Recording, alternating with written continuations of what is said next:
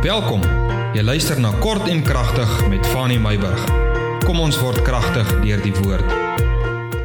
Goeiemôre, ek groet jou na hierdie lekker naweek. Ek vertrou jy het 'n lekker naweek gehad. Ek wil met jou vandag gesels oor moenie lag nie. Nou dit beteken nie jy mag nie lag nie, nê? Psalm 1 vers 1. Nou is ek nog nie eers daar in die Bybel nie.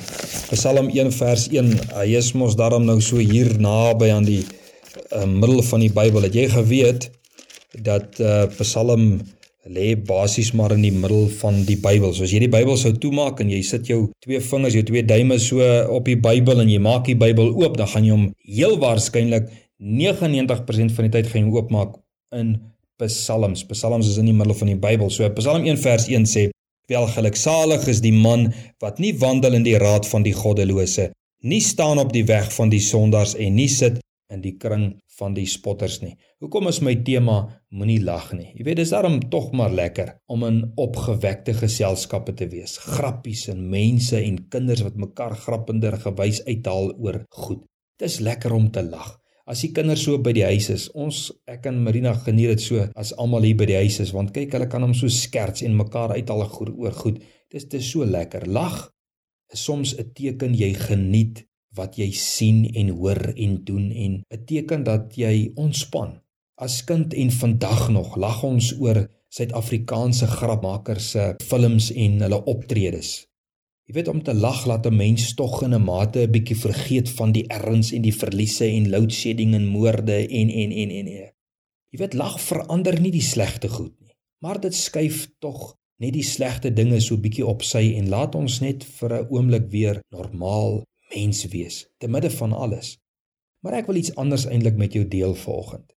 Ek beleef 'n ding wat ek maar gesien het toe ons ons kinders grootgemaak het en dit laat my nie lag nie. Dit bring my uit by die gedagte van moenie lag nie. Nou wat is hierdie dinge waaroor ons nie moet lag nie? Jy weet een ding is kinders wat vloek en skinder en sleg praat van mense, aan ouer mense of volwassenes slaan, sleg praat oor hulle en oor ander mense heeltyd en van hulle praat. Jy weet oor hierdie goed moet ons as ouers nie lag nie. Jy weet as 'n kind vloek en jy lag daaroor, dan komplimenteer jy eintlik daardie gedrag en dit sê vir hulle jy keer dit goed. En dit is nie die boodskap wat ons moet uitstuur nie. Ons moenie lag vir sulke tipe goed nie. Want jy weet, hierdie ouerlike gedrag teenoor kinders se verkeerd motiveer weer daardie kind om dieselfde te doen volgende keer. Want die boodskap wat die kind kry is ek kry aandag as ek dit doen. My ouers lag daaroor die groot mense lag daaroor. Of jy weet 'n ding wat 'n mens baie mooi moet oordink en wat 'n mens moet besef oor tyd skep jy eintlik 'n gedragspatroon in jou kind. Dit gaan steek vas in daardie kind en dit word later die norm. En weet jy, dit is een manier hoe kulture verval in onreg. Hoe ek wil amper sê slegte maniertjies oorgedra word in die volgende geslag in. Ouers wat nalat dat hulle kinders praat en optree sonder om hulle te korrigeer. Hulle lag maar daaroor. Vandag dink ons dit is niks, maar oormôre is dit 'n gewoonte. Wie ek het 'n kleintjie dood daaraan as kinders aan hulle ma slaan of hulle ma backchat soos mense nou sê in Afrikaans. Jy weet, daar moet ferm opgetree word want hy leer gedrag aan wat nie gaan stop nie en dit gaan vererger en gaan selfs aanhou tot in hulle volwasse lewe. Ek kan hierdie goed nie verdra nie. Dit steek my dwars in die krop. Nou, ek wil nou nie goed in jou keel afdruk wat jy nou veronderstel is om te doen nie, maar weet jy as ouers moet ons na hierdie goed kyk. Ons moenie lag vir goed wat kan vassteek in 'n kinderharte en hulle gedragspatrone gaan verander nie.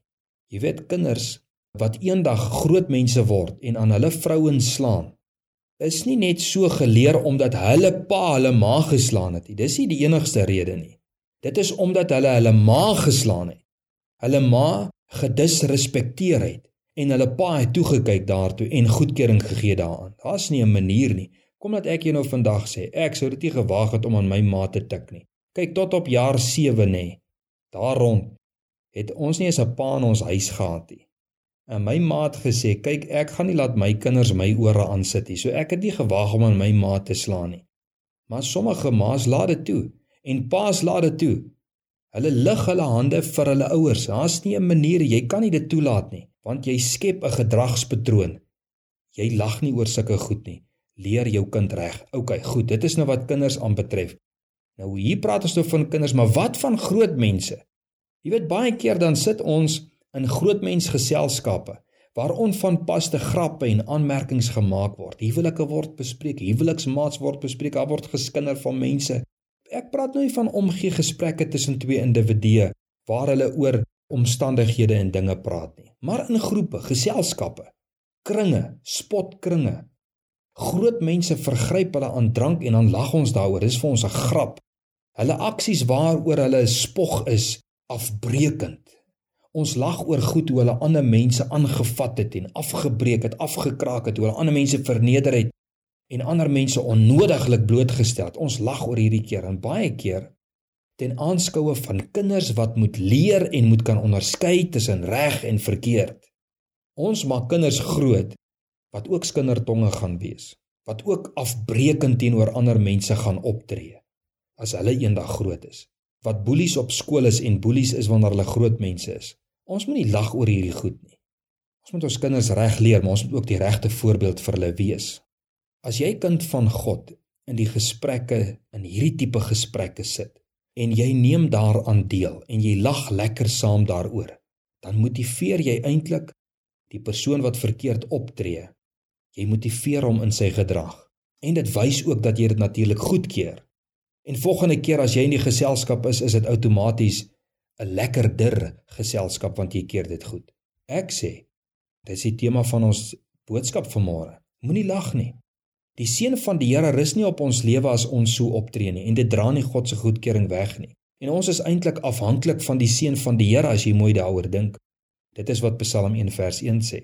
Om te sit in die kring van spotters beteken dat ons is eintlik gemaklik daarin. Ons het deel daaraan en ons is tevrede daarmee. Ons skenk ons goedkeuring daaraan. Menigmale doen ons hierdie tipe goed vir watter redes? Ons doen dit want ons soek aanvaarding. Ons het baie keer goeie maniere om nie net op te staan en te loop nie. Dis nie goeie maniere nie. Ons hou nie van konfrontasie nie. Dit is hoekom ons deur hierdie gesprekke sit. Dit is hoekom ons saam lag. Dit is hoekom ons saam spot. Kind van die Here, neem standpunt in want jou kinderopvoeding aanbetref en poog om verantwoordelike kinders vir die Here groot te maak. Neem standpunt in wat jou vriendekring aanbetref. God verwag dit van jou. Hulle het Jesus beskuldig dat hy sondaars as vriende het. Maar my vraag staan en dit is wat ons moet beantwoord. Wie het vir wie beïnvloed in die vriendekringe waar Jesus by betrokke was? daarmee sê ek amen. Seën en vrede tot ons môre verder gesels oor oomblikke van genade. Tot môre.